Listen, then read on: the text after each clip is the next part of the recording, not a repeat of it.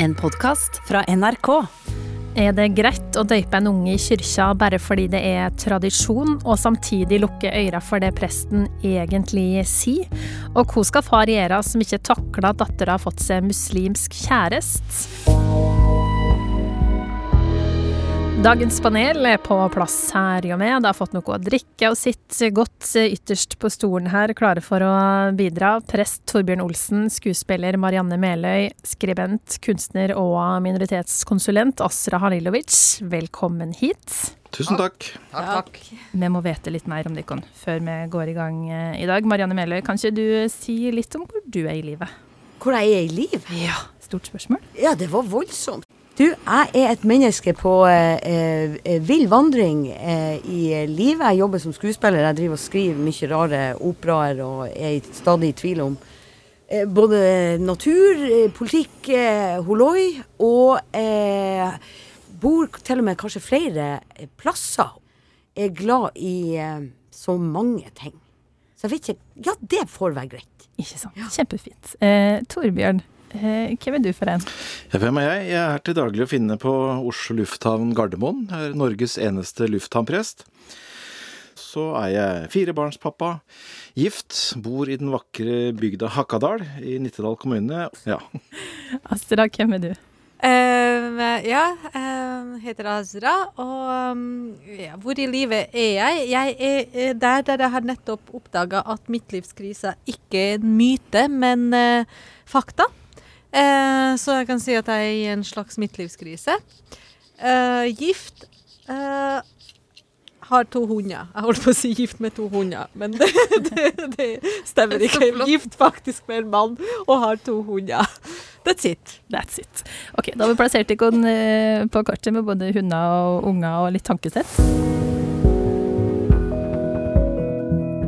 Vi skal i gang med første spørsmål, som kommer fra Jorunn.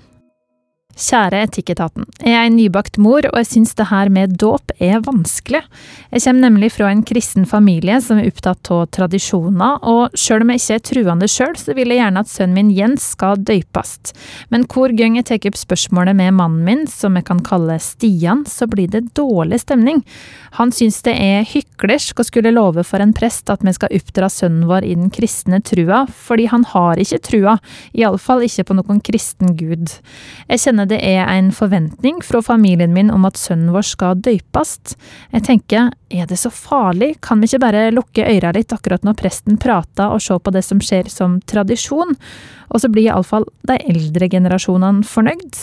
Er det greit å døype ungen sin uten å være enig i budskapen rundt dåpen? Er han forplikta til å oppdra ungen sin religiøst når han er døpt? Kommer navnefest, kan det være et kompromiss? Helsing Jorunn. Marianne, hva tenker du om situasjonen til Jorunn og Stian her? Du, altså, jeg har hørt om folk som har vært oppi det her. Jeg liksom hadde ei sånn klok eh, ei der jeg vokste opp fra, som sa at et gussord eller et skvette litt vann på hodet til noen, det har du aldri skada. Eller altså, man kan jo til og med kjenne at noen ganger når man eh, Når noen er påtrengende, insisterende med sin religion Jeg skal be for deg, f.eks. Det kan jeg noen ganger ha kjent at jeg, jeg jeg vet ikke engang om du skal det, eller spør du meg, eller hvorfor sier du det? Eh, så, men så har jeg etter hvert begynt å tenke at ja, de folk eh, Det har kanskje ikke så mye å si. Og når man sier da at det har kanskje ikke så mye å si om man døper seg, så betyr jo dette at det, hva det er slags forhold man da har fått til dette. Hva tenker du om det, Torbjørn? Å høre at Ja. noen sier ah, 'har det noe å si', og Ja, bare sprette litt vann på huet. Dette er jo mitt departement. dette er. Og dette har jeg jo masse erfaring med, eh, for å si det forsiktig. Vi har, det, dette har vært løst på mange forskjellige måter. Jeg husker en gang da løste vi det sånn at eh, når dåpen skulle skje, så gikk eh, mor og barn og faddere og besteforeldre og rubbelbit opp i koret og rundt døpefonten, mens far han satt igjen Ja. nede nede, nede i benkene. Så det var på en måte en sånn liten markering, og samtidig så, så ble det løst.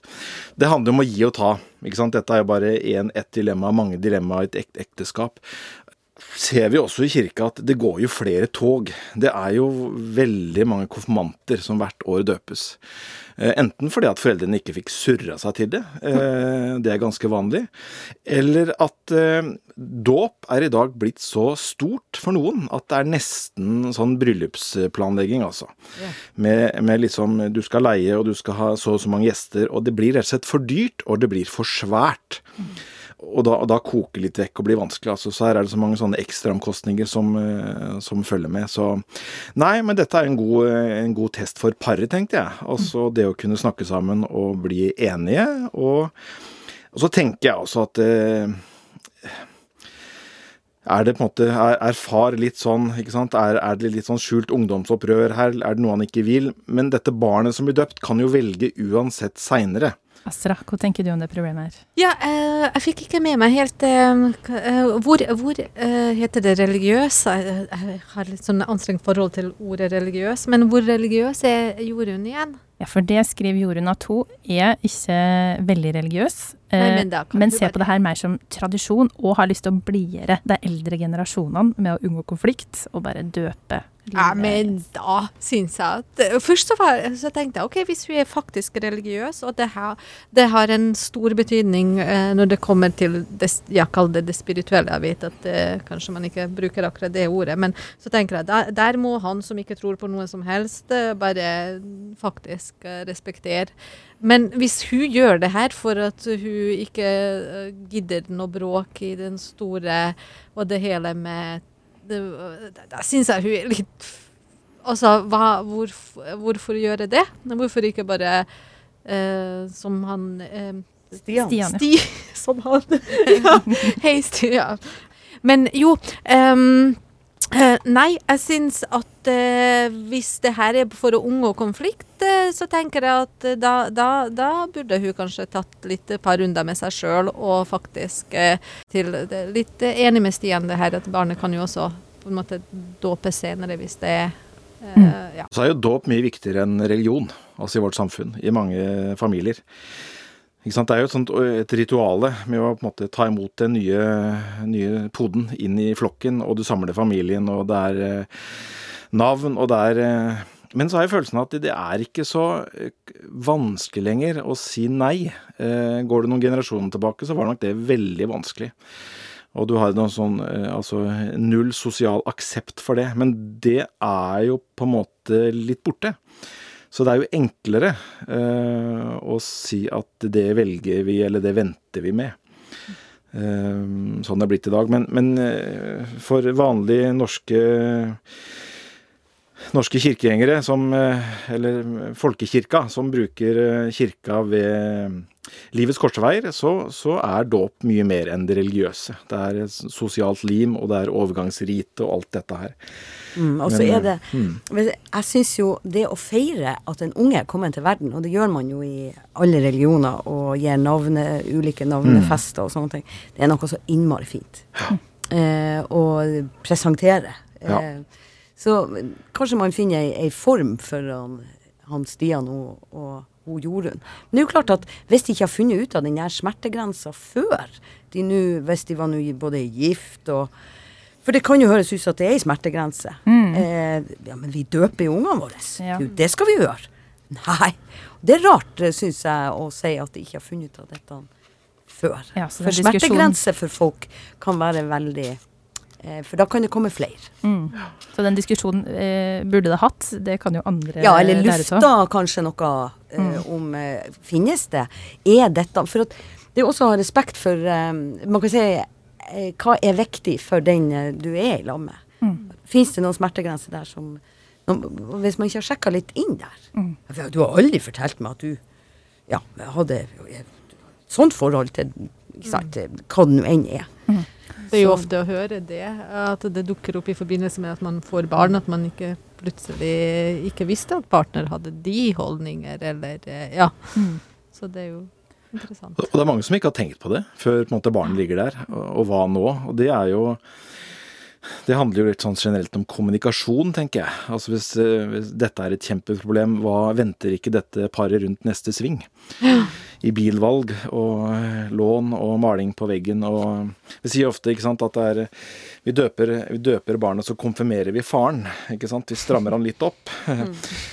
og, så, og, så, vet vi jo det at uh, mødrene får jo vilja si, som regel. Så yes. vi vet jo hvem som taper her. Det er Stian.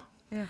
Men det er jo, eh, jeg syns det er litt overraskende å høre det Torbjørn snakke om at det er helt greit at, eh, at eh, en døper ungen sin uten å egentlig være enig i det som blir sagt fra alteret. Så du sier egentlig at Stian trenger ikke føle seg så hyklersk, sjøl om han står der og tenker at nei, ungen min er ikke født syndig. og vi skal ikke oppdra han i den kristne tru. Nei, vi, altså som, som prest så tenker jeg at dåpen er større enn hva faren måtte mene. Eh, og dåpen så på en måte blir du jo kobla på et større fellesskap som heter kirka og menigheten. Så akkurat om faren mener sånn eller sånn, og foreldrene kan jo forandre mening i løpet av livet. Og det betyr jo ikke at dåpen på en måte går ut på datoen eh, av den grunn. Men Torbjørn, jeg tenkte å spørre, du som prest, hva tenker du om at eh, barn døpes uten at det har egentlig noe med religion eller troa å gjøre? Det er på en måte en resultat av en uh, kjempelang tradisjon. Men så tenker jeg alltid, og det sier jeg til dåpsforeldrene, at, at troa styrer alltid skoa, på en måte. Hvis det er helt uaktelig, så er det ingen som gjør det i dag fordi at besteforeldrene sier det. Så det er, i bånn så er det Veldig ofte så tror jeg at hos mange foreldre så ligger det et sånn behov for å beskytte. Eh, når du får barn, så får du verdens vakreste barn, selvfølgelig. Alle foreldre er dypt inhabile.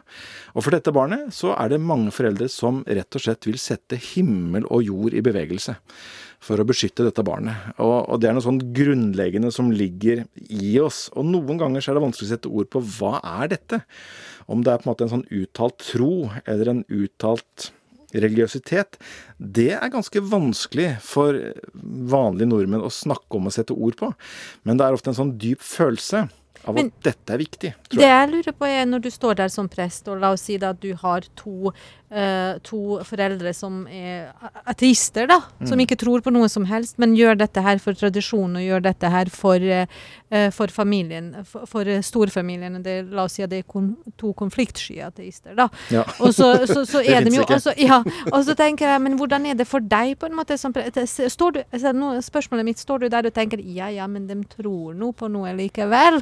Eller uh, har du på en måte, tenker du at du har respekt og faktisk er åpen for at det, de tror ikke på det samme som du tror på, og dere, sted, dere står i en institusjon som på en måte skal bygge det, det, det, er jo tro vi snakker om, det er jo religion vi snakker mm. om til syvende og sist. Jeg hører mm. at du hele tida at du nevner tradisjon, og det, det, skjønner jeg også godt. Men det her også har det blitt altfor på en måte utvaska, det her med den, med den faktiske motivasjonen for hva dåp er. Mm. På en måte. Eh, to beskjedne ateister tror jeg aldri ville møtt opp til dåp. ja, spørs hva familien rundt det. Nei, vet du hva, det, det, tror jeg er eh, passé. Jeg kan tenke at det var tilfellet det på 70-tallet, 80-tallet, men utover 90-tallet og 2000-tallet så, så, så, så, er det på en måte helt legitimt å ikke velge dåp, og helt greit. Så, så det var nok et større problem før, der man gjorde det av sosiale årsaker og fordi det var Altså Ellers ble du arveløs, nesten, hvis du ikke, ikke gjorde dette her. Eller hvor du har barnet et navn, hvis ikke det er døpt, osv. Så, videre. så Så der tror jeg det har skjedd såpass mye at vi har såpass det, det, er helt legitimt å, å, ikke gjøre det lenger. Så den problematikken, den tror jeg er Den skal vi leite lenge etter å finne, altså. Men øh, men så tenker jeg at dette barnet blir jo døpt inn i noe annet, eh, og får etter hvert også kanskje en tro selv, uavhengig av hva foreldrene tror. Så, så det, det, det, er, det, springende punktet er ikke egentlig hva foreldrene mener, for da, da på en måte maler vi oss fort opp i et hjørne. Hva, hva, tenker du egentlig? Ikke sant? Sånn kan vi ikke spørre. Så, Men burde ikke da uh, ungen uh, bare starte på nøytral grunn med en uh, eh, liten eh, navnefest bare i heimen, samle venner, familie. Eh, hva tenker du om det, Marianne? Kan det være et kompromiss? Eh, jeg tenker at det Altså, jeg er veldig på det der med at jeg syns det, det, er en så innmari fin ting å feire. Og så er det én ting som er kanskje forsvunnet litt fra kulturen eh, vår, men som har stått veldig sterkt eh, i nord, og gjør det ennå, og kanskje på Sicilia og sånn. Det her er gudmor- og gudfar-institusjon. Som er en eh, ekstra tilknytning, der man også ser at det er ikke bare foreldrene som er viktige for en unge, det er også flere. Eh, og der man eh, også på en måte tilrettelegger for ekstra bånd. Ja. Og gudmor er jo Jeg er veldig stolt av å være gudmor til ganske mange. Um, Og det er og uavhengig av om det døpes i kirka eller ikke? Å være gudmor? Ja, det blir mest, altså. Og det er en av grunnene til at jeg kjente også tilknytning. For kirka er mange ting, men det er også et hus. Et sted for mange. Det er der eh, man går inn, ikke sant. Det har med tradisjon og man har mange minner kanskje fra både begravelser eller andre dåper, eller at du sjøl er Du trer inn i et eller annet som er en kjede av mange ting. Og tradisjoner. Men du kan jo også, føler jeg i vår tid nå, tre litt til side og si at jeg tar med det, men jeg skal i hvert fall ha gudmor. For det kan du jo med navnefest og alt mulig, vil jeg tro. Det som jeg syns er mye verre, er jo alt sånn derre pengegalopp med sånn der gender reveal-party og ballonger og poff, poff. Og da skal jeg si det at det er sikkert mange mannfolk som syns at hvis vi skal gå på sånn kjønnsforskjell at Du sa, Torbjørn, at, at det, ja, det er kvinnfolket som får rett. Og, og da tenker jeg kanskje Åh, da tror jeg kanskje det er noen som enda mer må svelge noen sånne der fryktelige kameler med hva ut av vannvedd, ut av sånn glitterkanoner og bodyer og idiotisk barneutstyr i kapitalismens mammons djevelhet som man må utsettes for, eh, som er som, Men det er jo kanskje å bytte fokus. Så kanskje han Stian skal være glad at hun eh, Jorunn ikke skal ha det, da. ja. Ikke sant. Taksameteret går. Ja. Og så er jo det å være, altså det å være fadder og det å være gudmor og gudfar, det er jo kjempeviktig, for det er jo hva skal jeg si, ekstra ressurser. Og det om man blir spurt om å være det, det er jo egentlig en ære, for da er du utvalgt. Altså foreldreparet kan velge mellom mange, men da har de valgt akkurat deg. Ikke sant? Fordi da er det noen kvaliteter, noen ting ved deg som person, som de sier at dette trenger vi til oppdragelsen, og at du er der for vårt barn. Og det har jeg så lyst til at vi skal ta vare på. Altså Akkurat den institusjonen med den tilrettelegginga, og, på en måte fasilitere og si at ja, den her ungen, den skal bli spesielt eh, passa på ut av den og, og den. Og det ennå står det ganske sterkt i Nord-Norge. Altså, og gudmor. Kom nå og få en gode hos gudmor. Det betyr kom og få en klem. Ja. Eh, jeg vet ikke, eh, altså, har, har dere mye gudmoraktige gudfar i eh, islam? Vet du, i, i islam eh, Nei, men faktisk så har jeg jo tenkt at eh, Nei, dåp og konfirmasjon, vi har ikke noen sånne ritualer. Og mens jeg satt her og hørte på oss snakke, så kom jeg på selvfølgelig har vi det. Apropos det her med navn. I forbindelse med navn, eh, det å gi navn, så har vi jo en imam eh, leser inn en koranvers eh, i øret til ungen. Og Hvor skjer det her? Skjer det i heimen? det skjer i hjem, ja, det skjer i hjemmet. Ja. Og med en sånn, I forbindelse med en stor fest, og man inviterer, og så har man imam, og så er det en bønn. Så det er i forbindelse med at man ber. Og så er det da eh, den her med, eh, med fokuset på barnet, bønn i øret til barnet, og så er det da middag og, og fest. Og jeg må jo si at jeg vet at eh, jeg, har, jeg i voksen alder eh, har en veldig connection til det til den bønn som ble lest i øret mitt som en nyfødt baby. Mm. Som ganske liten. Jeg har direkte opplever en, en støtte i det. Er en nydelig tradisjon. å Ja, så, så, så for meg så er det faktisk eh, Det er derfor jeg for, det er derfor jeg er litt sånn inni det her, med fordi jeg jeg knytter det ikke så mye til tradisjon også, fordi jeg, jeg har bodd i Norge i 30 år, så jeg har liksom Hva er hva her, hva er min tradisjon, er litt vanskelig. Så det som har med, med religion og den type ritual, ritualer, da, det, det, det knytter jeg veldig til en til til en Ikke til tradisjon, men til å faktisk tro. Men det kan være personlig. Men, men det er jo en sånn Men for mange unge par så tror jeg at det, sant, det er kjærlighet ved første blikk, og er, eh, alt er lykke og rosa, og så plutselig så ligger den bylten der. Og hvem er du egentlig? Hva mener du egentlig? Eh, Så det er jo det å kunne snakke sammen og ha et sånt fundament i bånn. Og, og sånn er livet. Du, du, du vil møte uenighet. Du kan ikke være enig om alt du må gi, og du må ta. eh, Og så må du finne ut dette sammen. Eh, Og da tenker jeg sånn i parsammenheng, hva er best for oss? Og ikke bare hva er best for meg. Det hadde redda mange, mange par, tror jeg.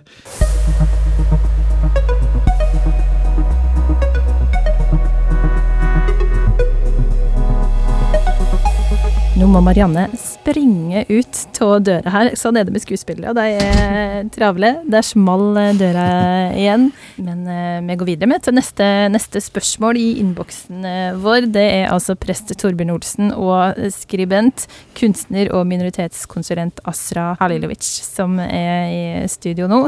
Og vi skal over til et spørsmål som lyd. Dattera mi har fått muslimsk kjæreste, og jeg greier det bare ikke. Det skriver Knut på e-post til oss. Det står altså Jeg har ei datter på 23 år som har fått sin første ordentlige kjæreste. Trude er sammen med Mohammed, en kar hun studerer sammen med. Vi har helst på han én gang, og for all del, han var en hyggelig kar, gode manerer og gjorde ingenting feil, skriver Knut i anførselstegn, men jeg klarer ikke legge bort tankene rundt at verdiene og tradisjonene er forskjellige, og at det kommer til å bli et problem for deg i framtida. Torbjørn, forstår du bekymringa til Knut? Det er jo interessant å Hvorfor tenker Knut dette her? Hva, hva er problematisk? Han har møtt uh, den kommende svigersønnen én gang, og det er jo et litt tynt grunnlag. Um, og så tenker jeg at Knut han uh, bekymrer seg uh, for ting som det kanskje ikke blir noe av. Sannsynligvis. Det høres ut som man har en del fordommer, eh, og kanskje bekymrer seg litt mye. Og tenker noen scenarioer som ofte ikke blir eh, til virkelige. Og så vet en jo ofte det, dette er jo erfaring, at når man blir ordentlig kjent, så, så forsvinner fordommene og de forutinntatte holdningene. Og, og så, så det er noe med å kunne gi det tid, eh, og være raus, og se dette litt an.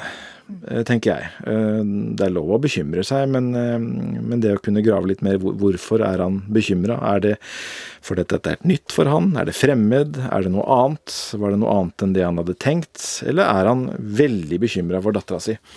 Hvordan dette skal gå. Så Blir du bekymra da, når noen av sønnene dine har med seg en kjæreste hjem? Nei. Um, er, du, du, må gi det tid, og så øh, må øh, den som da er ny inn i en familie, må få lov til å bruke den tida den trenger. Jeg tenker jo på altså mitt, mitt, mitt første møte med, med mine svigerforeldre. Hva tenkte de? Hva tror du det tenkte? Ja, nei, hva tenkte de? Det er et godt spørsmål. Det har jeg ikke sant? Visste de hvem jeg var? Å ja, det er han, ja. ja. De er sånn, kanskje? Nei, jeg vet ikke. Men uh, det, var nok ikke noe sånt glitrende De var sikkert veldig skeptiske, de. Eh, og så, og for å gjøre det enda verre, da hadde det gått noen år, da, så skulle denne svigersønnen også bli prest, ikke sant. Han som var kjæreste med etter hvert gifta seg med ikke sant? Han skulle også bli prest, for å gjøre det enda verre. Mm. Men det har gått glitrende, altså. Men det er noe med sånn førsteinntrykket er jo ikke veien videre. Eh, det er på en måte en liten sånn en liten smaksprøve. Du får se litt, og så er den Men er ikke det en fars jobb, da? Å være kronisk skeptisk?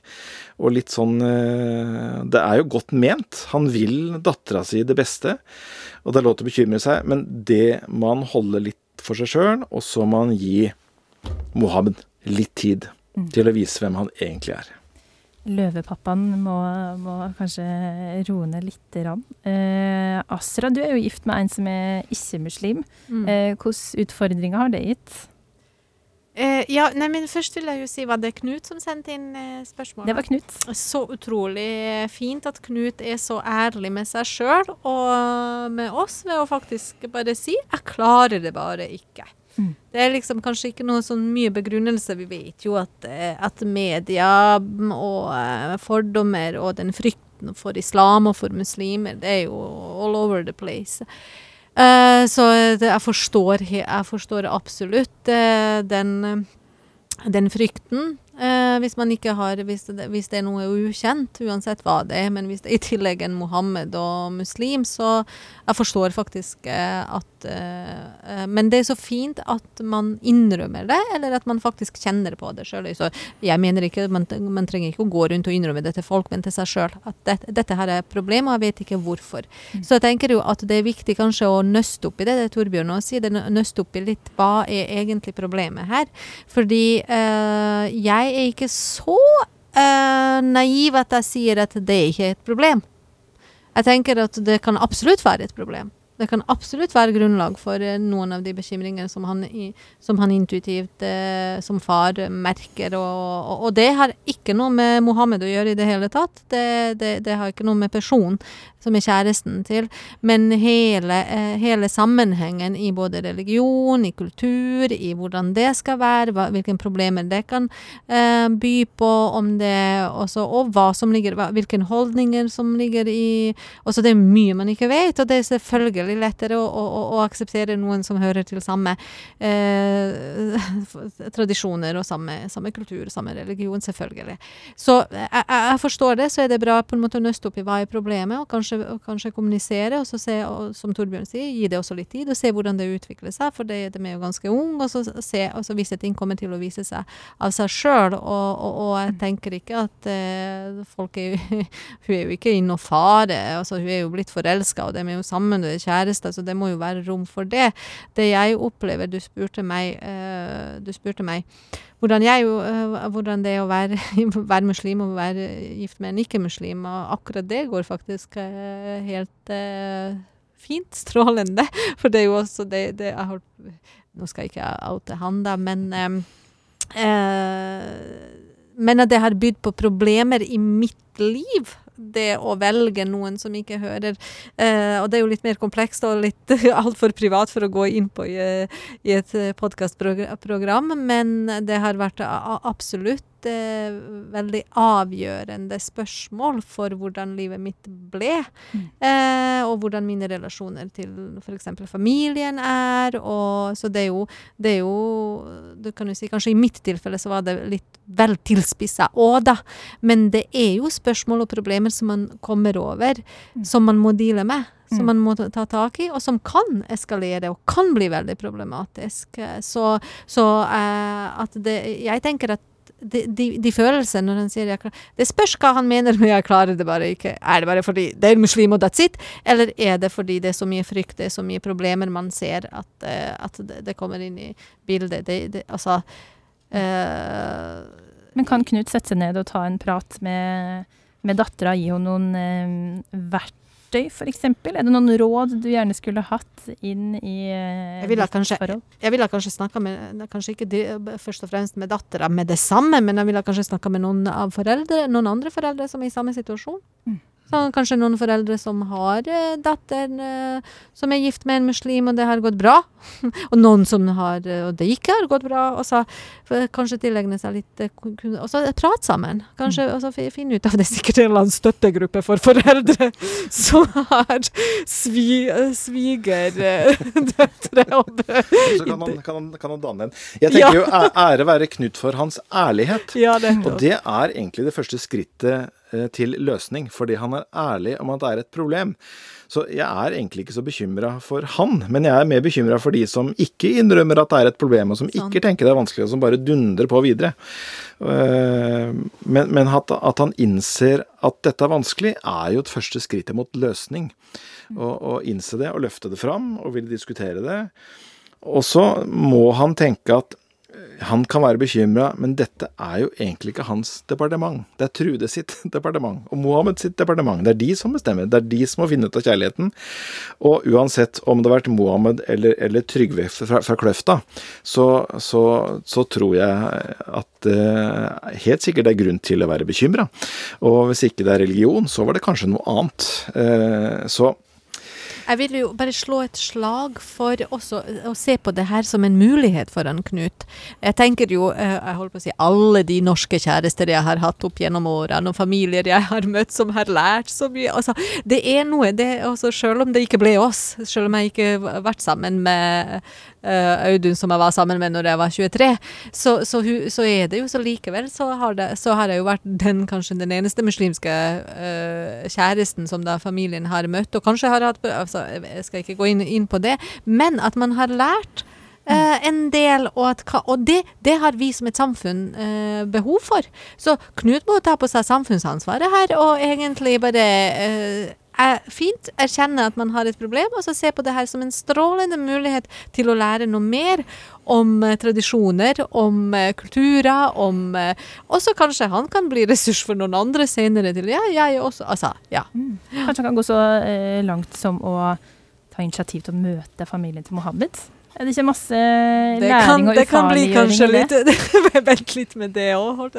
Jo, med tiden, da. For den var nettopp altså det, det her er et forhold som er ganske, ny. Ganske ferskt. Ja, ganske ferskt. så man, Mm. må- det er litt sånn gi gi det litt tid. Og uh, jeg bare ser for meg Jeg vet ikke. Jeg har en sånn intuisjon på at Knut kommer til å like han Mohammed veldig godt, så når det blir slutt, så kommer han til å savne han. Sånn Men kan han si, si til Trude, dattera si, at han er bekymra da, Torbjørn? Eller skal han bare la det ligge?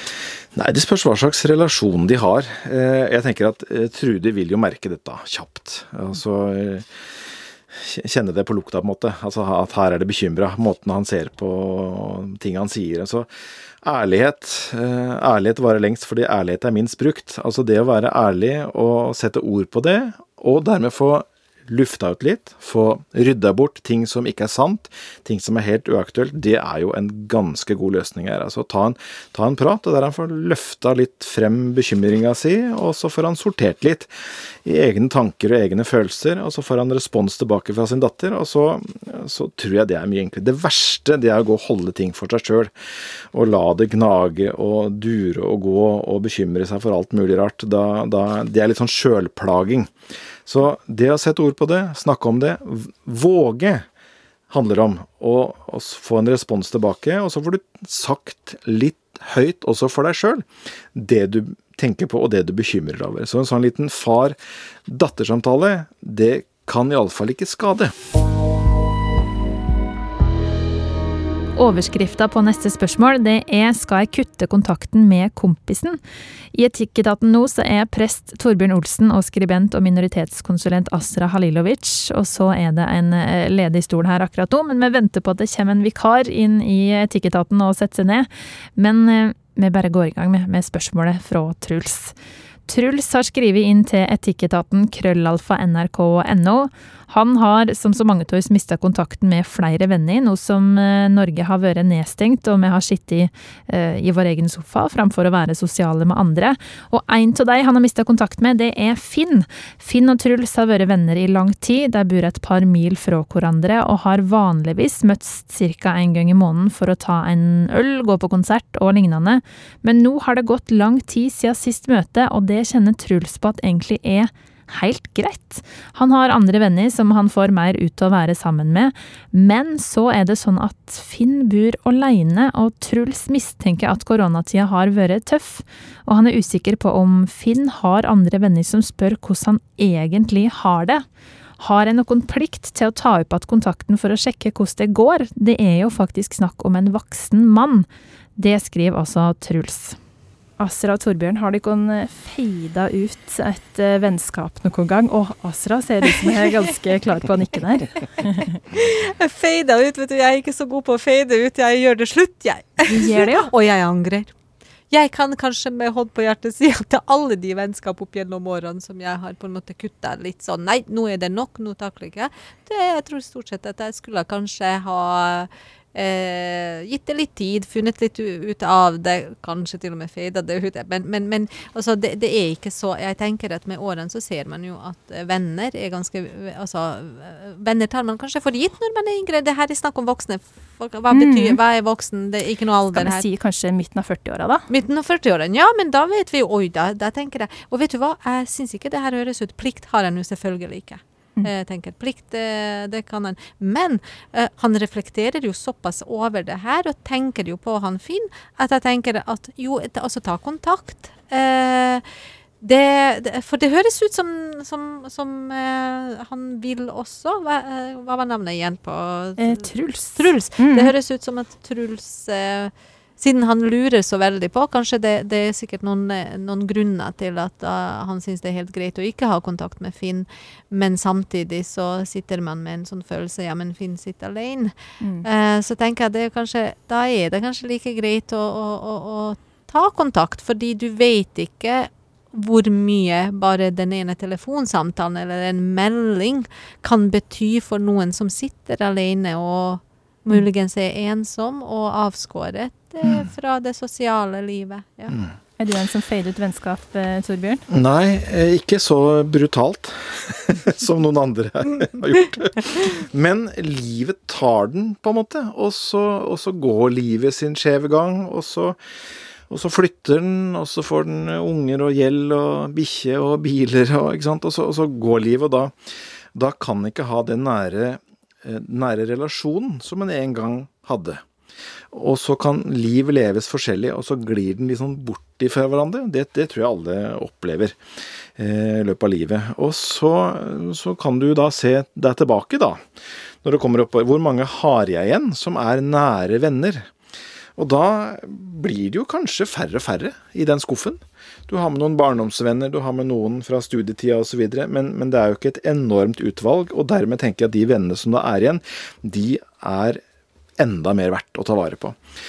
Og hvis, eh, hvis Truls bruker mye energi på å sitte og tenke på hvordan Finn har det, og, og, brenner mye krutt på å gruble, så tenker jeg at den energien, den kunne, kan han godt bruke ved å ta kontakt og ringe. Og ta den telefonen eh, og møte opp. Eh, for det skal så ekstremt lite til Eh, og kan utgjøre en veldig stor forskjell i menneskers liv. Den ene som våger, den ene som tør å ta kontakt, og så ta opp tråden igjen. Så det er jo ingenting å tape. Hvis ikke det er noe annet her, det er alt å vinne. Og så vil også Truls ha det mye bedre med seg selv. God samvittighet, det er eh, fine saker, det. Eh, så dette er egentlig en sånn vinn-vinn-situasjon. Så jeg tenker ja, selvfølgelig så, så, bør han ta kontakten. Eh, og for mange så har jo denne koronaen gjort noe med oss. Vi har, vi har kanskje levd litt sånn bedagelige liv og kjent at det er ganske godt. Så kanskje vi er blitt litt late. Eh, og radiusen vår er blitt mindre og mindre. Og, og, og, men nå må vi ut av dette her. Vi må ta opp gamle relasjoner. Vi må ta kontakt, vi må ringe. Vi, vi må være tilbake til der vi en gang var. For vi kan ikke sitte på hver vår tur med Netflix og,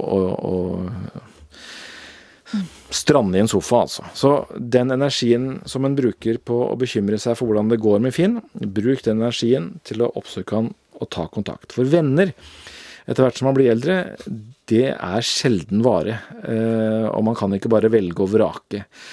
Mm. Livet kan ta den, og neste gang så er det Truls som sitter der. Og ting kan skje i livet. Du blir parkert på sida. Hvem er der da for han? Og da kan jo nettopp en sånn venn som Finn kan jo vise seg at når livet har herja med den, og den ligger der, så kan noen ganger Mange sier det at da er det andre venner som dukker opp, og som er der, enn de man trodde man hadde, og de man trodde skulle møte opp. Astra, hvordan, hvordan skal til for at du velger å slå opp med en venn? Det konseptet har det jeg veldig nysgjerrig på, fordi det er ukjent. Åh, det, har, det har jo vært litt for Altså, det, det, så Altså, det har gått mye på at, eh, at jeg har rett og slett følt at de relasjonene ikke har vært bra for meg. Mm. At det har vært kanskje relasjoner der jeg har følt meg dominert og overkjørt og eh, styra med og altså, Mine opplevelser, da. Det, og det er jo det som gjør at jeg sier jeg, jeg angrer også, fordi jeg skulle kanskje gitt altså det, det var kanskje overilt. Og, uh, selv om det har vært en sånn følelse av at jeg, jeg blir dominert altså, det, det, det, er jo ikke jeg, Man gjør jo ikke man gjør jo, Jeg gjorde i hvert fall ikke um, slutt med en venn uh, på tull, uh, eller bare ut av et sånn Nå gjør jeg det. Men det har vært en lang, lang prosess som da har kanskje ført til at jeg har tatt praten og sagt at det, det, det her faktisk eh, det, det, gjør meg ikke godt. de og de tingene har, har, en måte har jeg slitt med i den relasjonen her.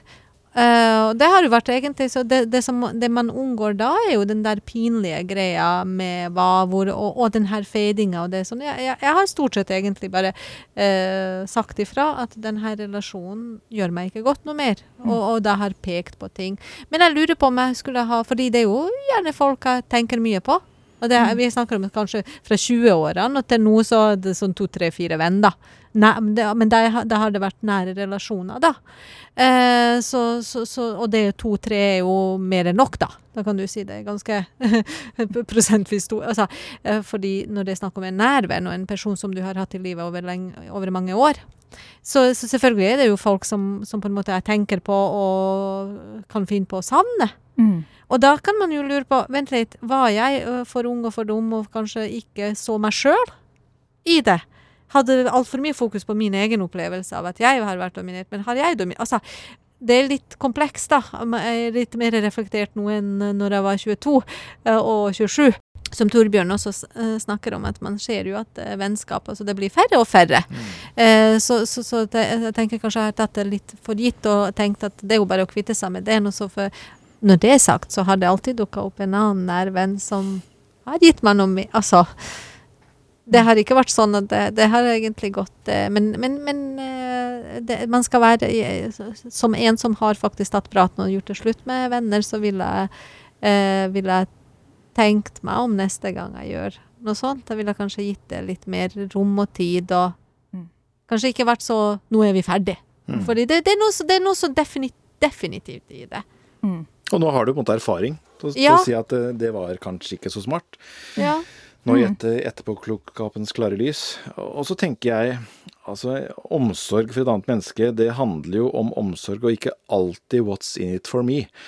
Det, det går an å vise omsorg uten å nødvendigvis ha en baktanke, eller at en skal tjene på det, eller at eh, Så sitter Finn aleine, Truls, ta kontakt. Det er så enkelt, og så vanskelig.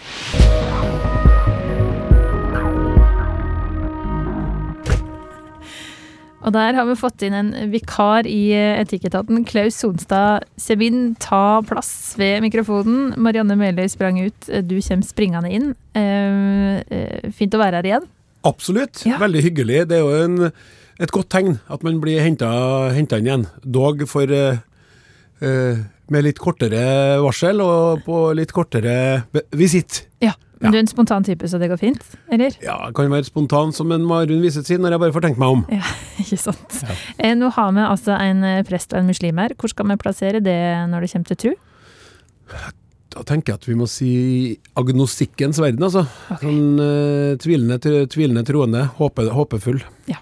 Riktig. Yes, Da er det bare å sette seg godt til rette ved sida av Astra Halilovic, minoritetskonsulent og kunstner, og Torbjørn Olsen, som er prest. Vi skal altså til neste spørsmål her i Etikketaten.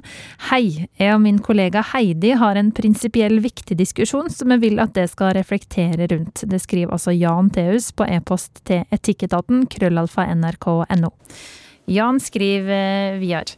Er det ok om jeg som mann sier at noen er ei bra dame, fordi jeg mener personen er flink, hyggelig, imøtekommende, dyktig? Hva er forskjellen om Heidi sier at noen er ei bra, en bra mann eller en eh, bra dame? Jeg opplever nemlig at eh, Heidi blir litt fornærma, eh, og andre damer, når jeg sier at noen er ei bra dame. Eh, Er det bare når jeg som mann sier det her, at kroppslige bilder dukker opp hos mottakeren, og må jeg slutte å si det? Helsing Jan og Heidi, og så skriver han i parentes, på vegne av mange. Parentes slutt. Hvorfor tror du at Heidi blir så fornærma til å bli kalla ei bra dame? Er ikke det fint, da? Hvis alternativet er dårlig? Ja, det, det er Hvis vi på en måte snur litt på det. Men, mm, men, men jeg, jeg- jeg tenker settingen eh, og må- måten det sies på, er kanskje det som avgjør om dette er eh, bra eller litt sånn ikke fullt så bra. Eh, Er det på en måte på fest, eller er det under lunsjen?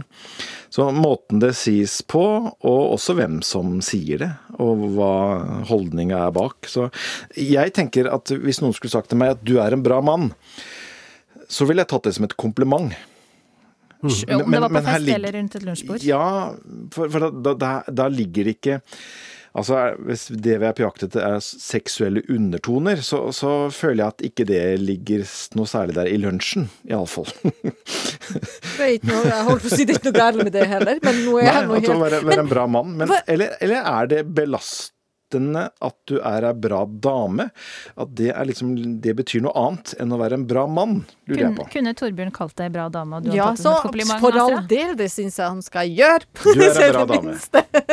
Nei, altså, jeg må innrømme at jeg øh, forstår Kanskje, kanskje jeg er litt sånn, sånn dum feminist og ikke helt forstår hva jeg Jeg, jeg kaller folk for bra mann. Jeg kan Mm. si du er en bra mann. Jeg kan si du er Jeg sier du er bra dame, jeg syns ikke folk Eh, Men um, hva, er, hva, ligger, um, hva ligger i det å skulle bli fornærmet av å bli kalt for bra dame? Kanskje jeg har misforstått noen ting her? Kanskje jeg burde ha blitt at, uh, følt meg litt uh, krenka ved å bli kalt for bra dame? Hva, hva, jeg, jeg forstår Jeg syns det er Jeg er en dame. Hvis jeg er bra og får høre at jeg er bra dame, hva er Jeg, jeg sliter med, med uttrykket, jeg òg, egentlig. Altså, tonefall, som det blir nevnt her, er jo et viktig poeng. Altså, Dæven, hun er bra dame, ass. For at vi på trøndersk kan vi også si 'å, for ei dame'. For ei dame du er, for en mann du er. Så hvis du liker noen godt, da. Ja. Og det er jo til, over til en uh, Halvdan Sivertsen, ikke sant, med 'For ei dame som du ville leve'. Ja, men altså, ei bra dame. Bra mann. Jeg syns det, det, det Hvis noen sier til meg 'Klaus, fy fader, for en bra mann du er'. Ja. Uansett om det er på fest eller på jobb, så blir jo jeg glad for det. For det er så innafor for meg. For, for bra er bra. Og, og det er så et trygt og fint ord. Så her eh, forstår ikke jeg hva som er problemet. jeg lurer på om det er en sånn språkgreie òg, fordi faktisk å bli kalt på fest, på jobb, whatever, om noen hadde sagt Azra, bra dame, til og med med den der stemmen, hva gjorde du nå i sted? Eh, bra dame, du, Azra. Ja, men altså, jeg tror faktisk akkurat vi, det uttrykket bra dame hadde ikke tatt som noe sånn sjekking eller seksuelt eh, i bildet, men det kan hende det er fordi jeg ikke fordi norsk er ikke morsmålet mitt, men akkurat det, akkurat det å bli sagt bra dame, det føler jeg har noe med personen, personen meg å gjøre. Mm. Uh, og da, det syns jeg det tar jeg ja takk til. Kan det være at Heidi hører, når noen sier 'bra dame', at hun hører 'du er bra til å være dame'? Nettopp. Men det er Ja. ikke det som blir sagt. Det er akkurat det jeg skulle til å si. Det er jo bra for dame å være. På en måte bra for Ap å være. Men også det, det, det, Men det er jo ikke det som blir sagt. Det er ikke det jeg hører er i bra ikke- dame. Det er vel ikke ment som eh, Altså, det, det er ment positivt, tenker jeg. Det er, det er ment for å løfte, det er ment for å si noe, noe godt og noe bra om denne dama, eller om denne mannen. Så, men eh, om det oppfattes negativt som eh, Nei, det, det Er det noen som, Det hører er det ikke jeg. er det noen som sier du er, så, du er bra menneske?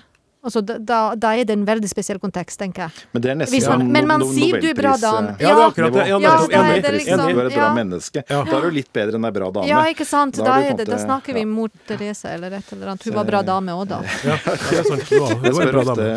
før, eh, altså før alle vielser, så har jeg en prat med brudepara, og da spør jeg alltid eh, hvert, altså, hva er det ved den andre som, vil at, som gjør at du vil gifte deg? Og da husker jeg en brudgom som, som sa, altså så kikka han sin elskede kommende brud inn i øynene og sa han 'jeg elsker deg fordi du er så vanlig', sa han. Og så sa han 'og du vil ikke finne på noe tull'. Så det å være vanlig, det er ganske bra det òg, altså. Ja. Det er, eh, ja, det var fint, det var fint sagt. Ja. det. Han var- Der syns jeg han tok en liten risiko, han Ja, han kunne fått et klapp midt mellom øra, men, eh, og hun kunne løpt Du ut er i- bra ferdig som Ja, brudgom nå. Du er bra noen, ferdig. Noen vil reagert sånn, men tenk, tenk hvor fint å være elska fordi du er vanlig. Ja. Du, slipper, du slipper å være spesiell, og slipper å late som om, og slipper liksom å, å tøye strikken stadig lenger. Men du er vanlig, og det er bra nok. Den store drømmen min er jo å være vanlig. Å bli Ja. sett på som vanlig. Det er det vi, vi mange som ikke er helt norske. Vi vil egentlig bare skli inn og være vanlig. Mm. Det er vår store drøm. Det er en frihet i å være vanlig. Du er ei bra vanlig dame. Du du, er bra vanlig! Ah! Den likte ikke jeg! Nei, det ble feil. Det ble feil igjen. Nei, jeg tar det tilbake. Jeg tar det tilbake. Du er ei bra dame. Det var bra. Ja, Og så er du ganske vanlig. Nei. nei, nei, nei. Så hva tenker dere om eh, sånn helt til slutt? Jan må få et konkret råd her. Skal han eh, fortsette å Heidi skjerpe seg, eller hvordan er det en skal gå fram på denne arbeidsplassen, tenker dere om? Men hvis, vi- hvis vi bytter ut dame med menneske, og hvis han fortsatt da mener det, så, så klinger det mye bedre, og da unngår du alle misforståelser. Hvis ikke Jan er på sjekkeren her, da. Det Nei, kan men- også ene. Nei, ikke Å, sier jeg. Nei, Torbjørn. Nei. Du ville ikke tatt hensyn, Nei, Astra? nei vet, du, vet du hva, hvorfor skal vi Det er jo fantastisk at de har de her diskusjoner. Fortsett med det. det er jo, vi lever i et demokratisk stat der vi skal være uenige. Det her er jo flott. Kanskje, vi, kanskje jeg har misforstått noe. Jeg sier det ikke på tull, jeg sier det på ekte. Kanskje mm, hvis jeg hadde blitt spurt om det om tre måneder, tre dager, så tenker jeg noe annet. Fortsett med å diskutere, og fortsett med å være uenig. Ha! Ja, men, men det, bra, bra. Mhm. Men hvis jeg sier til deg, Astra, slutt å si til meg at jeg er en bra mann, da er det jo litt spesielt hvis du fortsetter med det. Da vil jeg at du skulle ha omformulert det. For det er jo Heidi som, har, som er sjefen for Altså det er hun som mottar det, og hvis hun syns det er pass, kanskje hun mistolker og, og har feiloppfatta hele greia ut ifra det vi har diskutert nå. Men da må Jan høre etter og, og forandre. Som, Ah. som Torbjørn sier, si bra mennesker noe. For du kan ikke fortsette Så hvis jeg sier vær så snill, ikke si det, og man fortsetter, så blir det jo mobbing. Det blir Sånn er det bare. Sånn Men er- det det sånn- sånn er det, det det det var? Var det på det nivået? Var det, på det, var var det på det nivået at Heidi på en måte sa Heidi nei, ikke, ja, ikke si det? altså, hun oh, liker- oh, å, da- jeg syns faktisk at folk skal være uenige, og det er fruktbare diskusjoner, men jeg er helt enig. Du, hvis folk sier ifra nei, så bør du respektere det. Prest Torbjørn Olsen, skribent og minoritetskonsulent Astra Halilovic, og til slutt her TV- og radiomann Klaus Sonstad. Tusen hjertelig takk for at dere kom hit til Etikketaten. Og hvis du fikk med deg starten på sendinga, så kunne du òg høre skuespiller Marianne Meløy. Torsdag om ei uke så får du flere kloke tanker her fra Etikketaten. E-postadressa vår etikketaten krøllalfa nrk.no. Jeg heter Kjersti Anderdal Bakken. Vi høres. Du har hørt en podkast fra NRK. Hør flere podkaster og din NRK-kanal i appen NRK Radio.